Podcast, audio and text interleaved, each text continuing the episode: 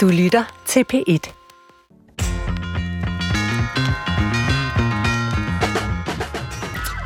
Velkommen til Brinkmanns Brix. Her i dagens udsendelse kommer jeg til at fortælle lidt om mit arbejde i det etiske råd, hvor vi for nylig har taget stilling til aktiv dødshjælp. Og det er jo et område, hvor man meget hurtigt ender med entydigt at blive for eller imod. Derfor forsøger vi i dag at tale ud fra, at det er helt okay at være i tvivl. Og jeg vil også gerne nærme gæstens synspunkter. Og det er en gæst, som øh, kommer med en meget gribende fortælling om at miste sin livsledsager i et langstrakt sygdomsforløb. Der kunne være blevet forkortet, men ikke blev det. Men tilrettelægger Christoffer Heide Højer. Programmet i dag har jo faktisk en forhistorie, som vi lige skal have lytteren med på.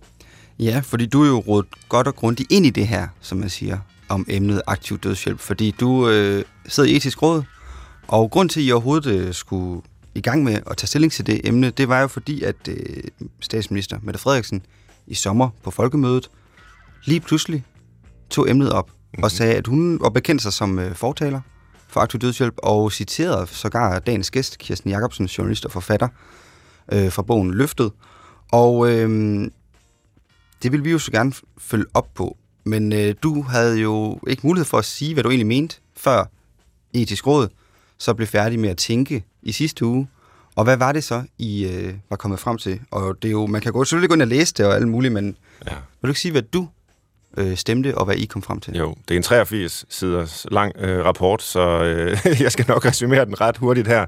Først vil jeg sige, at det er jo ikke sådan, at man har mundkur på, når man sidder i det etiske råd. Jeg må godt udtale mig, også inden rådet kommer med sin Men du rapport. er meget pligtopfyldende. Vi har bare sådan lidt en overenskomst rådets medlemmer imellem, og nu er vi meget enige i det her tilfælde. Øh, det er vi jo langt fra altid, men vi har en overenskomst om, at vi venter lige med at melde individuelt ud, indtil rådet samlet har præsenteret. Her er rapporten, og så kan diskussionen gå i gang. Så nu tager vi den i dag, fordi nu er øh, rådets udtalelse på gaden. Og jeg var en af, af de 16 medlemmer, øh, ud af 17, som endte med at sige, at der ikke bør indføres aktiv dødshjælp i Danmark. Så var der et medlem, øh, som sagde, at vi bør undersøge, om vi kan indføre aktiv dødshjælp i Danmark, men ingen medlemmer øh, gik ud entydigt og sagde, at vi er for at indføre aktiv dødshjælp i Danmark. Stik mod øh, egentlig øh, folkestemningen? 80 procent af befolkningen øh, lader til ifølge undersøgelser at gå ind for at indføre aktiv dødshjælp, og, og, og et, et lille mindretal er enige med det etiske råd. Og nu er det etiske råd jo ikke sat i verden for at følge en øh, folkestemning. Øh, heller ikke det modsatte. Vi er sat i verden for at tænke tingene grundigt igennem og drage nogle konklusioner og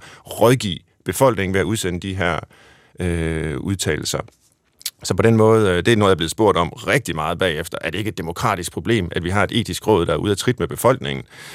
Det synes jeg overhovedet ikke, det er. Altså rådet er jo udpeget af forskellige politiske partier øh, til at, at rådgive, og ikke til bare at altså, hvis det var folkestemningen, man var interesseret i, så kunne man jo bare nøjes med meningsmålingen som politiker. Mm. Nå, det var bare lige den.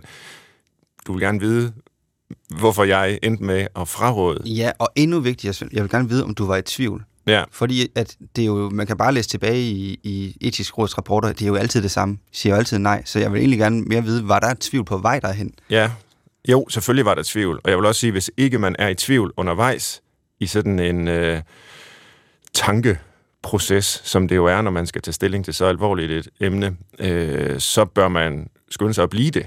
Altså, fordi tvivlen er, er vigtig her. Øh, og min tvivl har især øh, handlet om de konkrete eksempler, der har været fremme. Øh, jeg har jo set så mange andre, øh, Anders Lund Massens dokumentar om Preben Nielsen, der tager til Belgien for at modtage aktiv dødshjælp. Øh, man kan ikke se den og være upåvirket bagefter. Jeg har læst Kirsten Jacobsens bog Løftet, en kærlighedshistorie, som vi også tager udgangspunkt i i dag, som ikke på den måde eksplicit handler om eller diskuterer aktiv dødshjælp, men som alligevel ligger i baggrunden. Altså, øh, sådan kan et liv afsluttes. Øh, mm. Er det den bedst mulige måde, eller kunne der være andre, og for nu at bruge det her ord, som hele tiden bliver trykket frem, mere værdige måder måske at dø på for mennesker i et moderne samfund?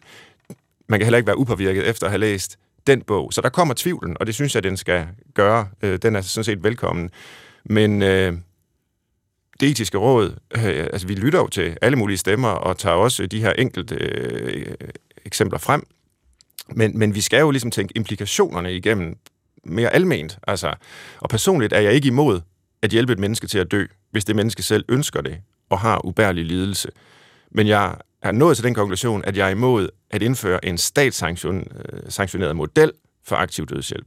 Etisk set kan jeg godt øh, forestille mig situationer, hvor det er humant, etisk forsvarligt, rigtigt at hjælpe et menneske til at dø. Men jeg tror ikke på, at der kan laves en model, hvor det offentlige hjælper borgere øh, med at dø på begæring.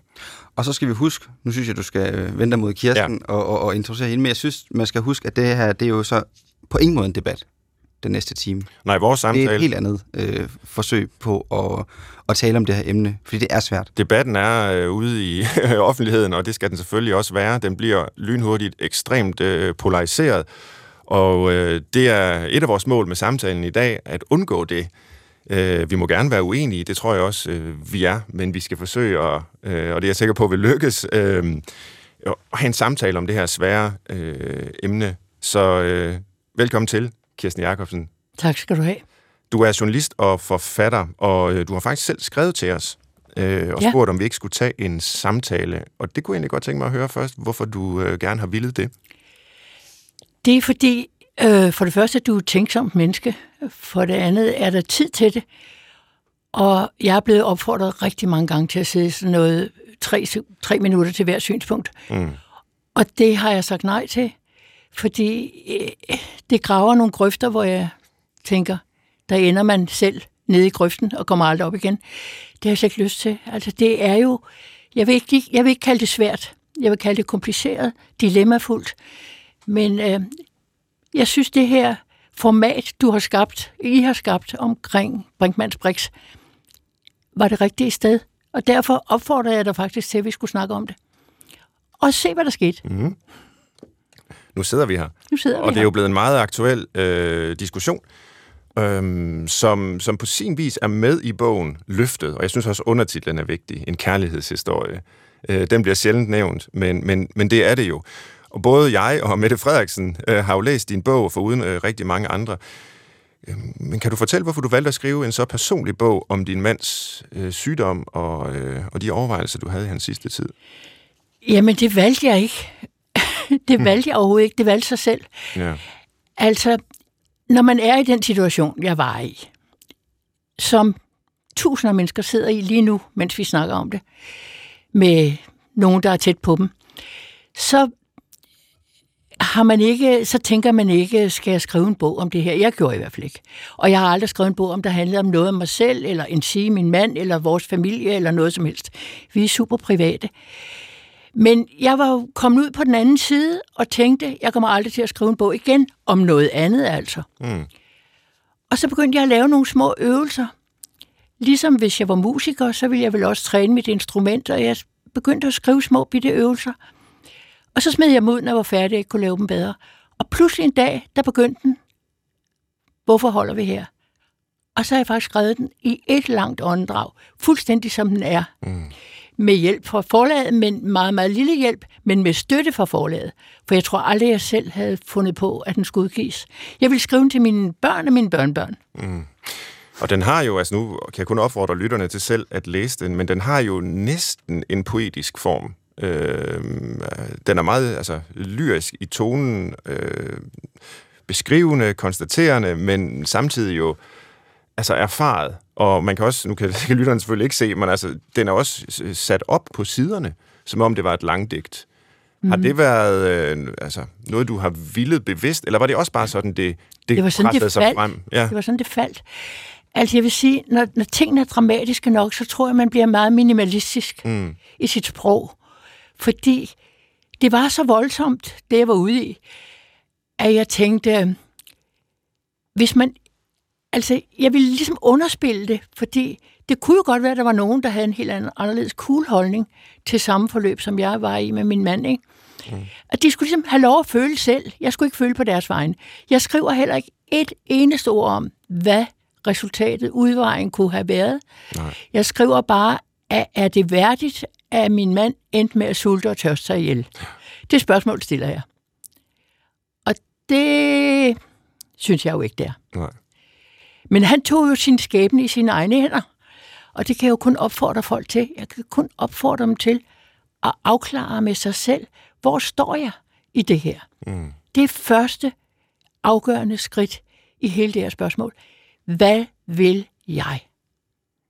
Og så må en slægtning følge på, eller hænge på, hvis de kan. Nu er jeg jo den ældste her i studiet, og jeg ved jo godt, hvad jeg vil. Ja.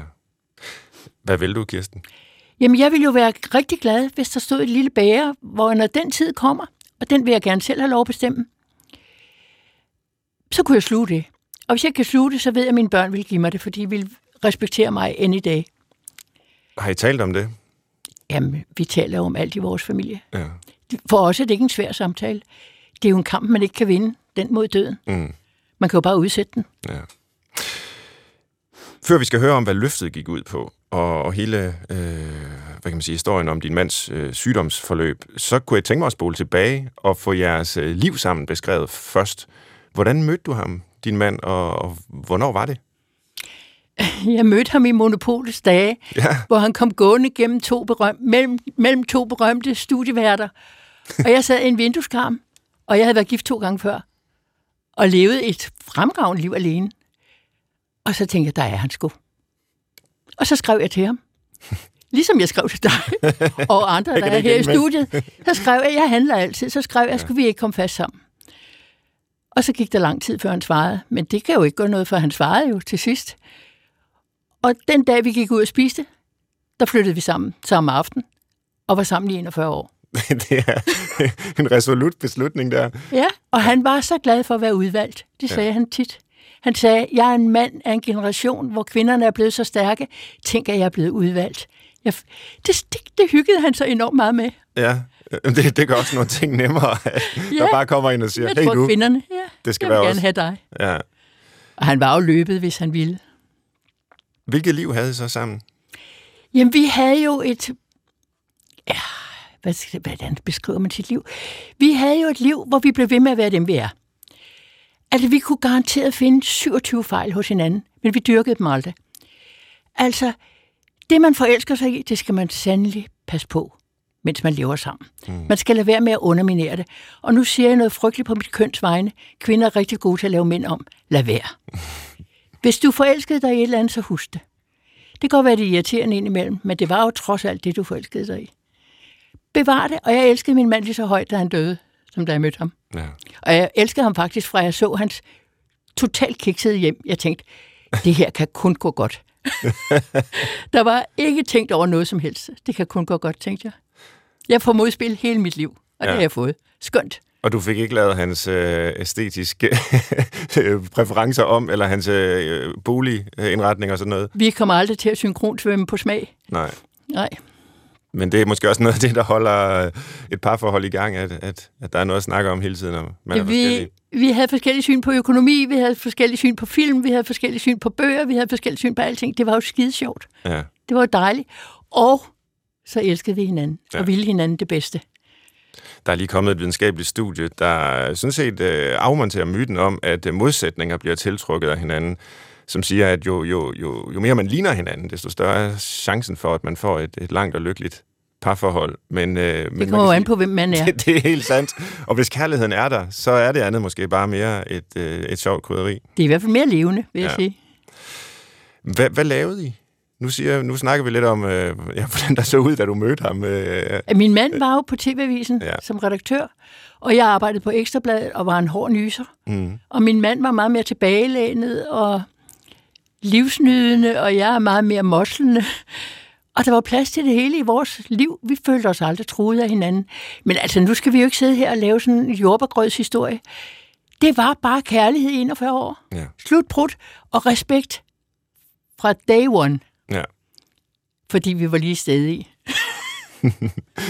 Man kan høre det på din stemme, og man kan læse det på linjerne i bogen, at det vidderligt er en kærlighedshistorie jer ja, imellem.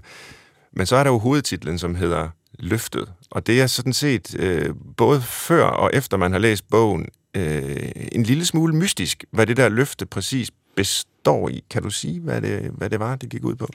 Altså det første, det bestod i, fordi vi havde jo ingen dødsdrift på nogen måde i vores liv, Nej. det var altid at respektere den andens ønske, også selvom det kommer en lidt på tværs. Så må vi finde en eller anden måde, eller også må vi skilles i et øjeblik, og altså gå hver vores vej, ønskevejse, og så mødes igen.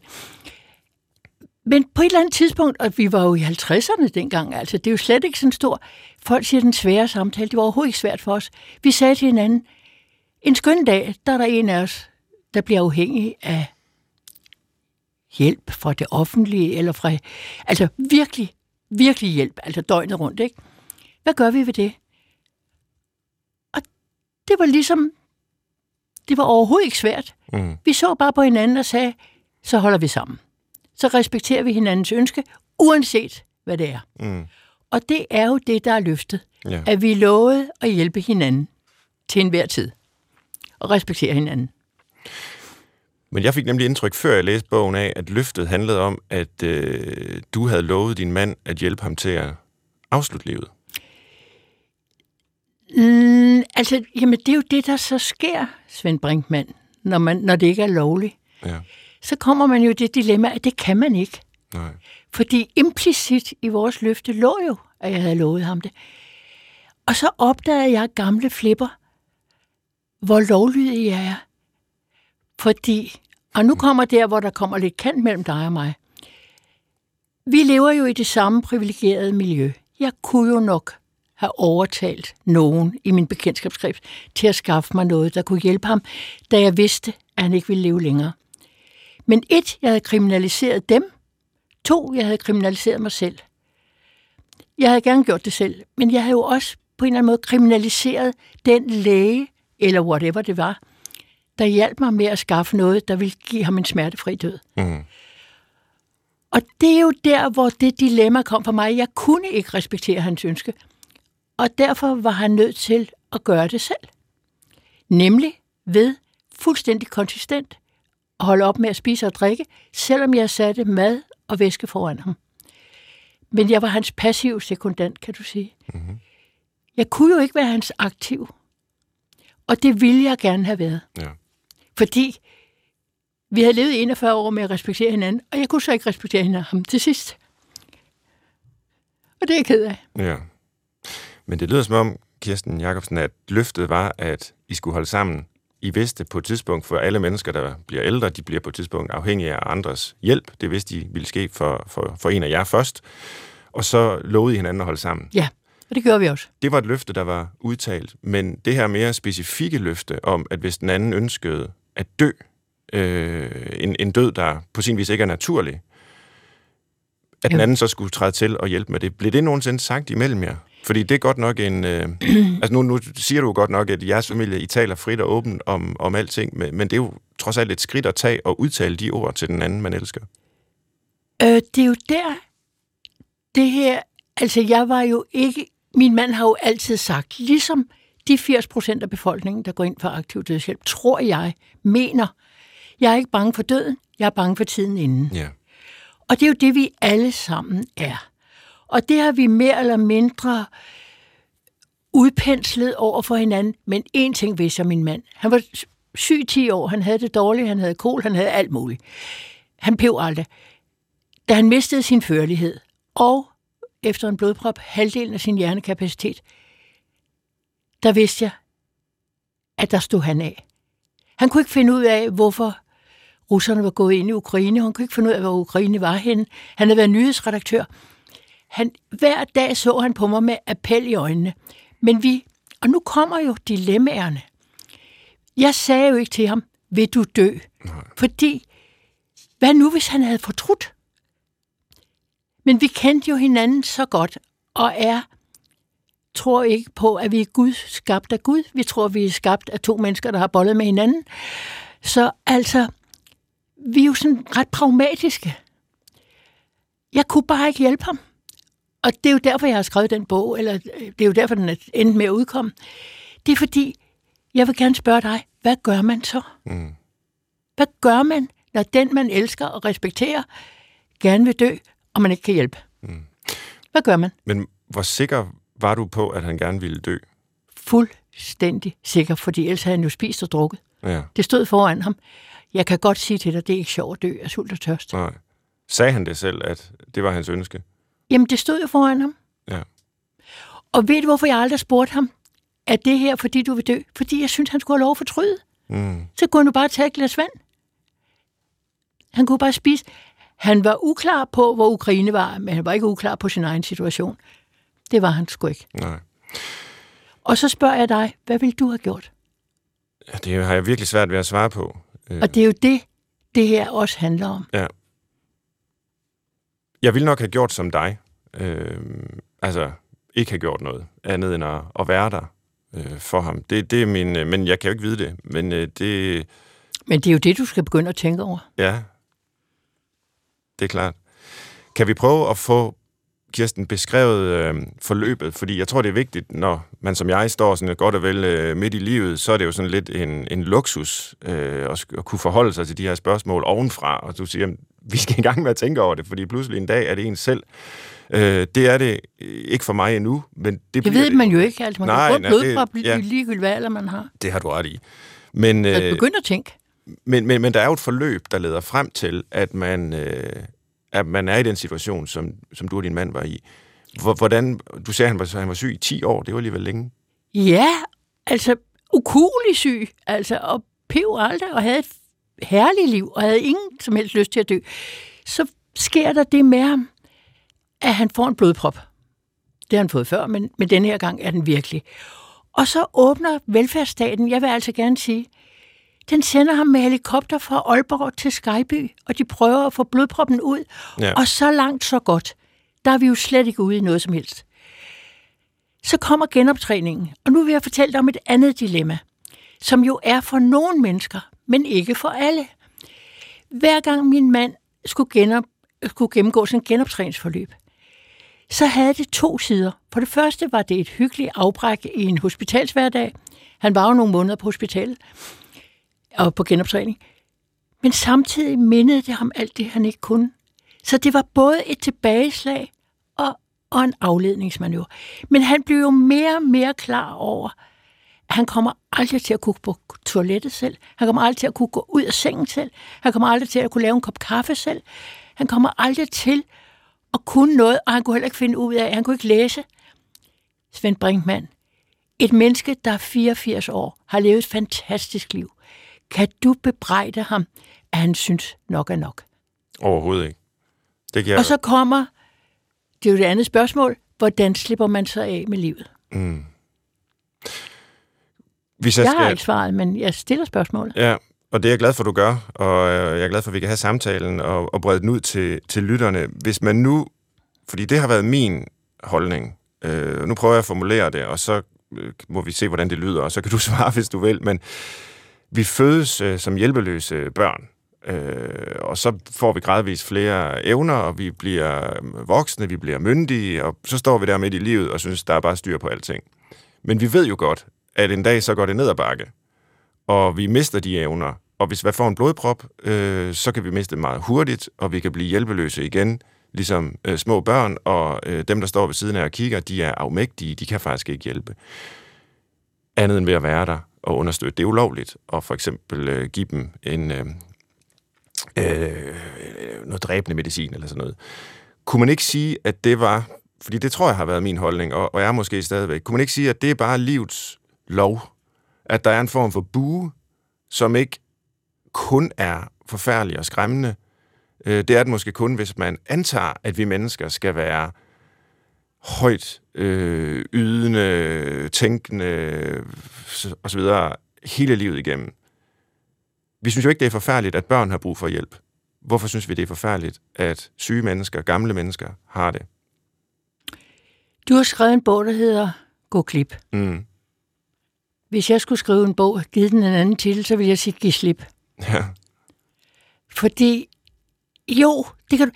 Jeg tror, hvis jeg havde sagt til min mand, der lå der og kiggede på mig endnu en dag, hvor jeg skal ligge i sengen og vente på, at der kommer nogen, der hjælper mig. Nu skal du tage en for holdet. Nu skal du tage en for vores humanistiske livssyn. Så tror jeg, hvis han havde kunne sige det, og vi, nu siger jeg det alligevel, så havde han sagt, fuck dig. Mm. Jeg tager ikke en for holdet. Jeg har betalt skat, og jeg har gjort alt muligt for holdet. Og jeg kan godt lide at være i et stort fællesskab.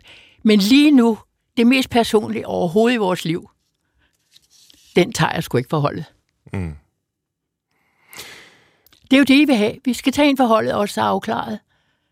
Fordi alle dem, der er uafklaret, dem, jeg synes jo bare, at de skal leve, som de vil, og de skal jo leve, leve med det. Lev med det, sagde Mette Frederiksen. Det synes jeg jo, de skal. Ja. Men os, der er afklaret, hvorfor skal vi Jeg er også fuldstændig afklaret. Hvorfor skal vi lægge nogen til last, når vi ikke engang gider lægge os selv til last? Mm. Undskyld, hvorfor? Og tror I på, nu vil jeg gerne sige noget om glidebanen, må jeg det? Mm. Det er jo glidebaneargumentet, der bliver brugt i alt. Jeg er gammel nok til at huske fri abort. Glidebaneargumentet, fortrydelse, alt muligt. Ja, men har du i dit liv nogensinde taget en beslutning, der er fuldstændig renset for hensynet til andre mennesker eller dig selv? Alt, hvad vi er meget ensomme, hvis vi kun tager beslutninger, der relaterer sig til os selv. Alt, hvad vi beslutter, om vi bliver skilt, om vi bliver for børn, om vi bliver fyret, om vi eller øh, siger op, eller om vi vil dø, eller vi ikke vil dø. Alt er afhængigt af et samvær med andre mennesker. Og så kommer vi til det mest personlige hele livet. En kamp, vi ikke kan vinde, kun udskyde. Så må vi ikke engang få lov at gå ud af vores egen krop, når vi ikke tror på, at vi er skabt af Gud. Jeg forstår det ikke. Jeg forstår det simpelthen ikke. Og jeg tager heller ikke ind for holdet. Jeg løser det selv, hvis jeg kan. Mm. Og, og det har jeg jo enormt stor forståelse for, og jeg kan sagtens sætte mig ind, øh, det tror jeg da i hvert fald, jeg kan, i din mands situation og jeres øh, afmagt. Men det, som øh, for eksempel det etiske råd har øh, skulle tage stilling til, ja. det er jo, jamen, kan vi lave en model, hvor vi ligesom gør det til et tilbud i sundhedsvæsenet, om jeg så må sige. Det lyder jo helt mærkeligt at tale om det på den måde, men, men det vil det jo være for nogen. Øh, og det er jo ikke kun, øh, i hvert fald ikke i Holland, hvis vi taler om glidebane, så synes jeg faktisk, det er lidt skrækkeligt at se, at der reelt har været en glidebane i Holland, hvor man øh, først ligesom forsøgte at inddæmme det ved at sige, at aktiv dødshjælp skal kunne tilbydes mennesker med øh, ubærlig øh, lidelse, så der er ikke udsigt til behandling. Først var det fysiske sygdomme, så blev det også øh, psykiatriske sygdomme. Der har været mennesker med øh, kan sige, kognitive handicaps, der har fået aktiv dødshjælp. Der har været mennesker med autisme, der har fået aktiv dødshjælp. Øh, så blev aldersgrænsen nedsat. Nu er der øh, vedtaget i år i Holland, at, det skal, at der slet ikke skal være nogen aldersgrænse. Altså børn, øh, hidtil har det været 12 år, øh, skal også øh, have lov at dø øh, hvis de ønsker det. Jeg ved så ikke, hvad man gør med meget små børn, som ikke har fået sprog endnu. Øh, hvordan man sikrer informeret samtykke fra dem, det, det, det, det kan man jo ikke få. Øhm, og jeg ved jo, nu er vi jo meget, meget, meget langt væk fra øh, jeres situation og din mands sygdom og død. Men, men det er jo sådan nogle øh, spørgsmål, der opstår i mig, når jeg skal sidde og tage stilling til, bør det her indføres ved lov som en mulighed? Men ord er jo vigtige. Mm. Du bruger ordet et tilbud. For mig skal det her aldrig blive et tilbud. Nej. Det skal blive efterkommelsen af et ønske. Ja. Og det ønske skal være formuleret, ligesom at man ikke vil have livsforlængende behandling, ligesom man ikke vil have op genopleves.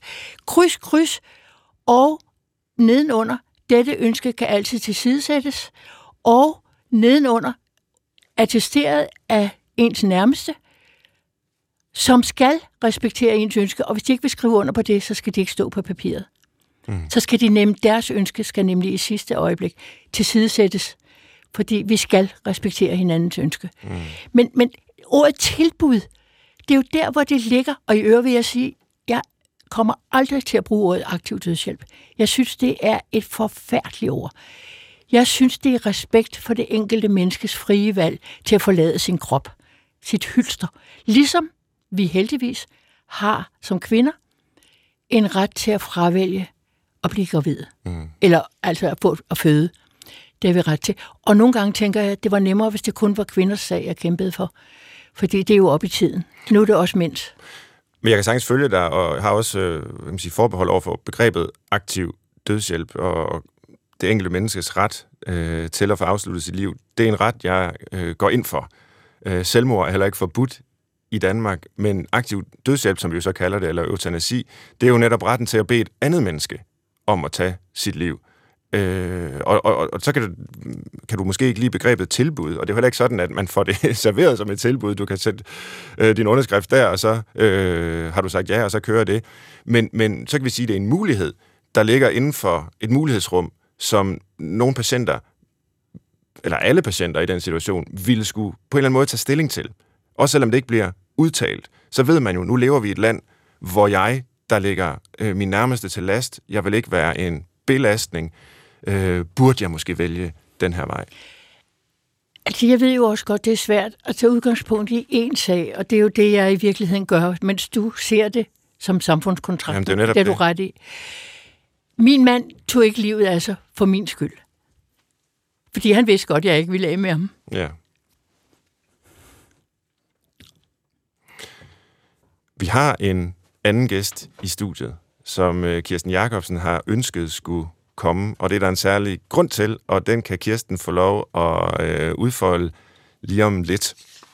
For øh, gæsten er øh, sanger, sangskriver, Peter Sommer, som øh, har lovet at synge en sang, der hedder Faret Vild i samme skov. Og øh, vi tager en snak med Peter og, om den her sang bagefter, men øh, tusind tak til Peter Sommer for at komme og ville spille, og nu giver jeg simpelthen øh, lyden til, øh, til dig, Peter. Værsgo. Tak.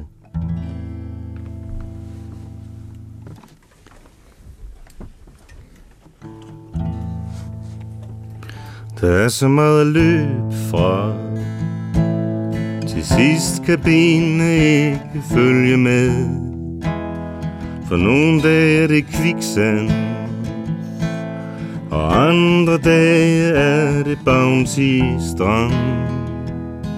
Oh yeah. Det er svært. Det er der så meget der er. Det er et liv på godt og ondt. Men det er vores kontrakt. Mellem det vi ved og alt vi gerne vil forstå. Om det er noget værd eller om det bare skal overstås. Og der findes ingen let vej. Der findes ingen egentlig sammenhæng. Så kan du sige, at det troede jeg. Og det var lettere end at tro på ingenting. For længe. For det er svært.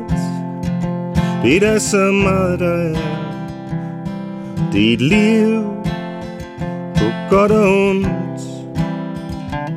Men det er vores kontrakt Mellem det vi ved og alt vi gerne vil forstå. Om det er mere værd end papiret det er skrevet på. Og os Hvad skal der blive af os? Vi er faret vild Men i den samme skov. Og dit råb Om mere et kald jeg ikke vil høre fra et andet sted Kald det kaos, kald det løgn, jeg kalder det kærlighed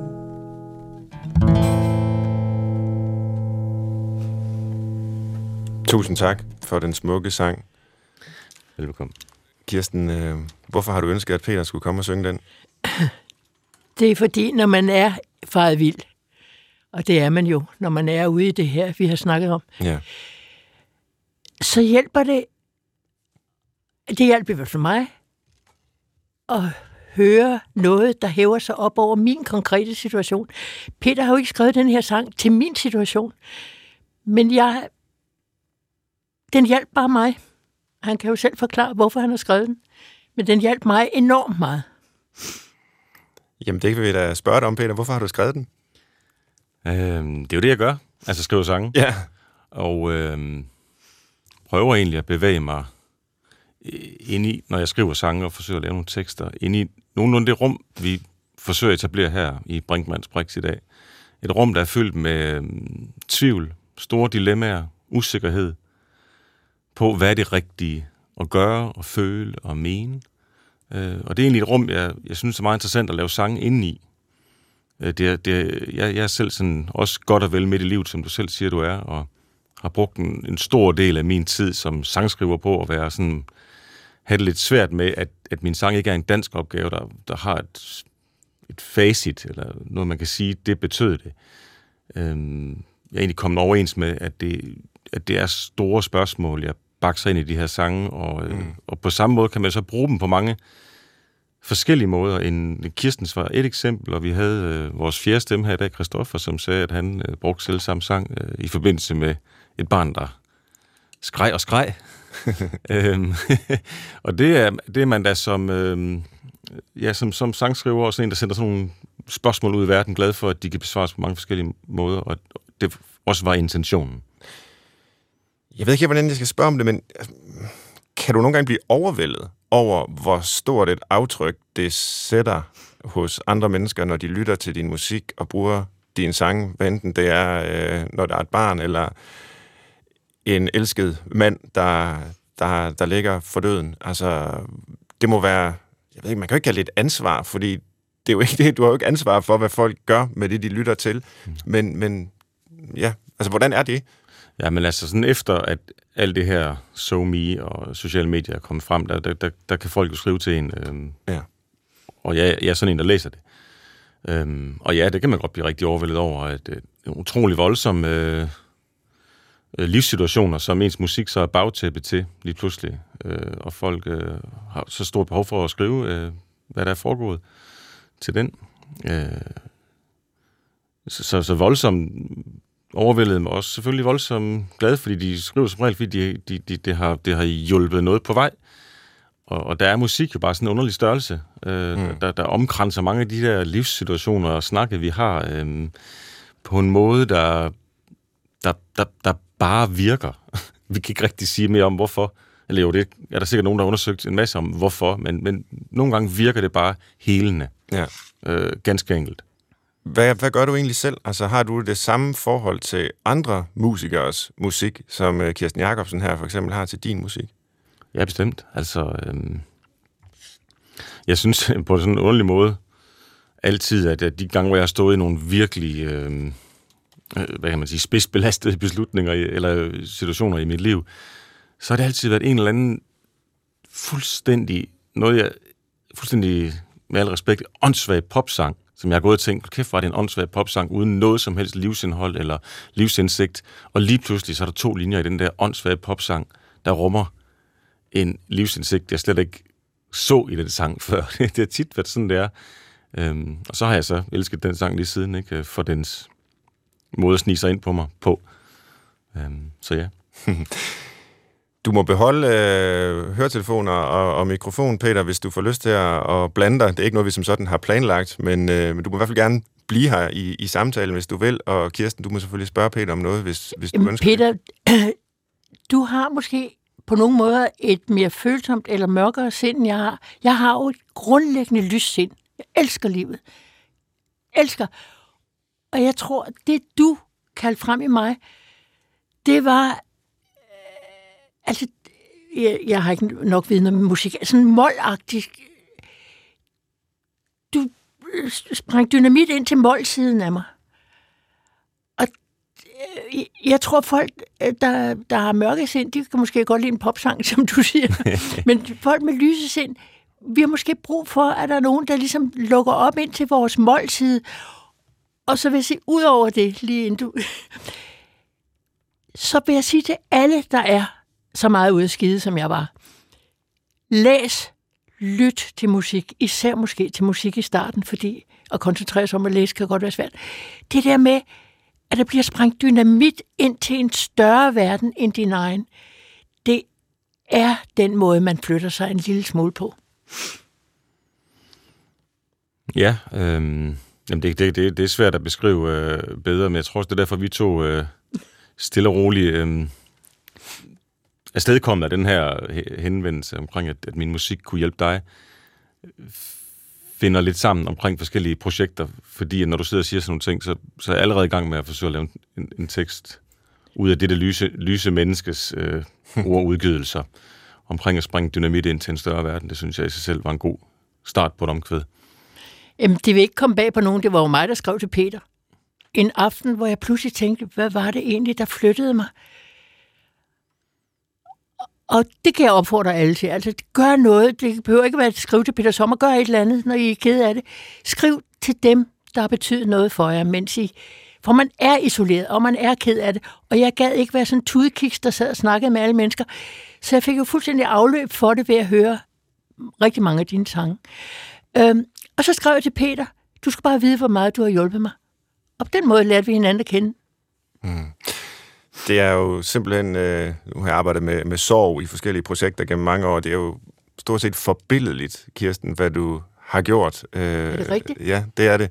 Og øh, jeg er så glad for, at du kan komme og fortælle om det, så folk kan, kan lytte til ja. dine erfaringer, og, øh, og måske gå lidt øh, den samme vej. Ikke fordi alle mennesker, der er i sorg, skal skrive til Peter Sommer, så, så bliver det lidt voldsomt for ham. Men, øh, men, men, men, men, men noget lignende så, ikke?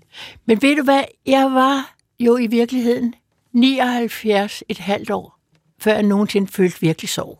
Ja. Den har så også ramt mig mellem øjnene siden, ikke? Men i dag, der vender jeg det jo om og siger, det er jo et kæmpe privilegium, at jeg er så ked af, at min mand er død efter 41 år. Mm. Altså, man kunne have følt et streg for lettelse, hvis det havde været lidt mindre lykkeligt, ikke? Altså, mm. det er jo et kæmpe privilegium at have elsket et menneske i 41 år. Mm. Så jeg er fuldt beredt til lidt måltoner. og apropos måltoner, så på en måde har jeg ikke lyst til at vende tilbage til øh, historien, fordi vi er kommet et andet sted hen nu, men jeg synes, vi skylder lytteren, at du fortæller, hvordan din mands liv sluttede. Øhm, ja. Hvad skete der? Altså, min mand havde jo, var jo holdt op med at spise og drikke. Og nu kommer, så, nu kommer vi jo tilbage i noget mål. Ja. Jeg skal prøve at sige det med en lys røst. Øhm, der sker jo det, når du holder op med at spise og drikke, at på et tidspunkt bliver du uklar. Og det er måske den største sorg, jeg har, udover privilegiet at have elsket ham, så er det den sorg, at jeg ville ønske, at han havde været klar, da han sagde, nu vil jeg gerne. Og det er jo derfor, jeg gerne ville have haft, der var et lille pilleglas, eller en lille sprøjte, og jeg havde gerne, hvis det havde været lovligt, hjulpet ham. Han blev jo uklar til sidst. Det vil sige, jeg var jo i tvivl om, var det nu, eller var det om en måned, eller var det, hvornår var det? Men der sker det, jeg siger lige en anden ting inden. Mm. Jeg skulle bare have løjet. Det har jeg tænkt på bagefter. Jeg skulle bare have sagt, at han havde smerter. Men jeg kunne ikke respektere manden, der ikke havde smerter, og sige, at han havde smerter. Han havde jo smerter i sjælen. Altså, du tænker på, at du skulle have løjet for ja, lægerne? jeg skulle bare have sagt til lægerne og sygeplejerskerne og hjemmehjælperne. Og han, han klager sig hele natten. Og så havde de, de givet ham morfin? Så havde de givet ham morfin, og så havde vi jo lavet det, der hedder passiv dødshjælp. For de vidste jo godt, det ikke blev anderledes. Jeg skulle bare have løjet. Nå, det er så liv indtil videre. Men i hvert fald, sker der det, han får smerter, fordi det sker der, når man sulter, og jeg skal spare jer for detaljerne, de er ikke rare. Og så kom der en fuldstændig tilfældig læge ind af døren, sygekasselæge, eller hvad hedder sådan en vagtlæge, ikke mm. sygekasselæge, vagtlæge, ind ad døren, kiggede på mig, kiggede på ham, kiggede på os, fattede situationen, sagde, jeg tror, vi skal give ham noget morfin. Og han fik ikke ret meget morfin, og så lagde han ampul til, når sygeplejersken kom om aftenen. Men han døde jo allerede af det første mm. morfin. Og så kom der jo straks nogen, der sagde, hvad skal vi gøre, Hvor, hvad skal han have på? Så sagde jeg, at han skal have sin badekåb på og sine raksokker. Det har han haft altid, når han lavede kaffe til mig. Og så lå han to dage derhjemme ved siden af mig, og jeg sov med ham i hånden. Mm. Og det er ikke spurgt skræmmende. Da du var gået to dage, der var han der ikke mere. Nej. Og så kørte de direkte fra vores hjem til krematoriet, hvor man så ligger i kø. Nå, men det gjorde de, fordi vi, jeg kunne ikke bære at sidde et eller andet sted og høre i et kapel, eller det er så privat at dø. Og det var ligesom det skulle være. En buket syrener, og det var det. Ja. Men i virkeligheden lyder det jo som om, at da den, læge kommer, da den læge kommer, som forstår situationen, forstår ja. din mands øh, lidelse og ønske, ja. Ja. Øh, så bliver der givet den morfin. Ja, altså, men så, det kunne lige så godt være en anden. Ja, det er selvfølgelig rigtigt. Men, men man kunne jo også udlægge historien som en historie om, at øh, systemet, om jeg så må sige, rent faktisk fungerer, fordi din mands liv blev afsluttet der. Det blev afsluttet af den morfin. Og hvis jeg havde løjet men jeg kunne ikke stå ved siden af ham. Han kunne jo høre og sige, at han har smerter om natten. Så ville han jo protestere og sige, at jeg har ingen smerter. Altså, ja. altså, du synes i virkeligheden, og det synes jeg faktisk også, nu skal vi mødes virkelig. I virkeligheden synes jeg, det skulle bare være helt stille og roligt med sænkede skuldre, man finder ud af det. Problemet er bare, at du er alt for afhængig af, hvem det er, du finder ud af det med. Mm. Og det er jo derfor, jeg et eller andet sted synes, der skal være en lille bitte kattelem til os, der er afklaret. Må vi ikke også have lov at være her? Mm. Og så må alle, der er i tvivl eller gerne vil leve, få dem, de kræfter, der skulle være brugt på os, der ikke vil en skønne dag. Ikke nu, men en skønne dag. Må de ikke blive brugt på de andre? Mm. Altså, hvorfor må der ikke være en lille kattelem til? Vi er jo nogen, der er afklaret. Ja. Vi er jo begge to præstebørnebørn, og ingen af os tror på det. Mm. Vi tror på, at der kommer en dag, hvor det er forbi. Og den kan man lige så godt vende sig til tanken om, og ikke se som sin fjende, og så give slip. Jeg læste øh, for nylig om en øh, ældre herre, jeg tror han var øh, 80, som havde øh, afsluttet sin kones liv på hendes ønske, og hun var jævnaldrende. Og han havde fået en dom, fordi det må man ikke. Men det var en dom, som var betinget, og som bestod i altså noget helt symbolsk. Jeg kan ikke huske, om det var fem dage øh, eller et eller andet. Altså, han, han fik ikke nogen straf. Han fik en dom, men ingen straf i praksis. Øh, så, så på den måde har vi jo også, altså det kalder man så øh, medlidenhedsdrab ikke, i, i lovgivningen. Og, og på den måde har vi jo sådan set den kattelem, som du efterspørger der. Er det ikke nok? Jo, hvis man er, hvis man er til de uklare linjer. Mm. Hvis man er til vi snakker så meget om rettigheder i det her samfund. Vi, vi ønsker jo bare den rettighed at få lov lige at træde ud af hylstret. Altså, øh, jo, jo, det kan man godt sige. Jo, man kan også sige, hvis det alligevel er sådan, hvorfor så ikke sige, at i særlige tilfælde, hvor ønsket er udtalt, kan der så ikke også være plads til det? Mm. Jeg ved det ikke. Nej, men du, nu rejser du spørgsmålet, og det er jo uhyre væsentligt. Øh, men du gør det sådan set ikke i bogen. Du var selv inde på det i begyndelsen. Hele den her diskussion om hjælp til at dø er meget underspillet. Ja. Hvorfor har du egentlig ikke, øh, da du skrev den, trukket den diskussion frem? Altså, der er jo rigtig mange, der har fanget, at det er en vigtig implikation af det, du skriver om. Det er derfor, Mette Frederiksen har citeret øh, fra din bog, hun har læst din bog og fremhævet den. Øh, det er jo fordi, den handler om det her, men den gør det jo på en meget indirekte måde. Du kunne have skrevet et kapitel i bogen, min holdning til hele det her spørgsmål om øh, dødshjælp, eutanasi, øh, aktiv dødshjælp, kan, vi kan kalde det mange ting, den er, jeg anbefaler politikerne at kolon. Øhm. Det er fordi, jeg synes, det er det enkelte menneskes eget valg. Mm. Og jeg har ikke lyst til, det håber jeg heller ikke, at vi to gør her, pådut nogen at være enige med hverken dig eller mig. Jeg synes, de skal finde deres egen vej. Det er jo derfor, jeg synes, Peters sang er så... Man farer jo vild mm. i den samme skov. Du og jeg er jo faret vild i den samme skov. Ja. Altså, fordi vi har begge to en tvivl, og vi har begge to en tro på to forskellige veje ud af skoven. Og jeg synes, hver enkelt menneske skal tage stilling til. Men så skal vi også stole på, at man kan. Jeg vil gerne tale ansvaret i det enkelte menneske op, og ikke umyndiggørelsen i det enkelte menneske. Mm. Jeg vil gerne mod og ansvar er en god ting som ledetråd i sit liv. Har du forandret dit syn på det her spørgsmål øh, gennem dit liv måske, eller selvfølgelig som, som konsekvens af at have, have levet med din mand og, og, og været en del af hans sygdomsforløb? Har du altid haft den holdning her? Ja, men lige så gratis som ja, alle andre. Det er det. Altså, og jeg er fuldstændig overbevist om to ting. Det ene er, at min mand havde aldrig udholdt, hvis det var mig, der havde ligget der. Det havde han slet ikke klaret. Han var alt for blød, og det havde han slet ikke klaret. Jeg ved ikke, hvad han havde gjort. Han var blevet meget, meget, meget mere ked af det, end jeg er. Øh, jeg er fuldstændig sikker på, at jeg bliver en groopvækkende person, hvis jeg bliver totalt afhængig af hjælp fra andre. Min mand var tålmodig, men overbevist. Han tænkte, hende derovre, som jeg har levet med i 41 år, hun kan ikke hjælpe mig. Jeg må hjælpe mig selv. Han gjorde det for sin egen skyld. Han gjorde det ikke for min, for han vidste godt, at jeg var ked af Ja. Der er jo øh, det her værdighedsbegreb, som tit bliver trukket ind i diskussionen, og det må jeg indrømme, øh, at jeg har det lidt stramt med, fordi jeg synes, ja. alle menneskers liv er sådan set værdige. Altså, vi kan ikke begynde at give værdighedskarakterer. Øh, man kan måske godt synes, at, og det gjorde din mand jo, og, øh, med, og det havde han selvfølgelig lov til, jeg synes, at min situation er øh, frygtelig, den er ubærlig, jeg ønsker at afslutte den. Men jeg, som jeg bruger begrebet værdighed, så er det noget andet, end at det er uværdigt.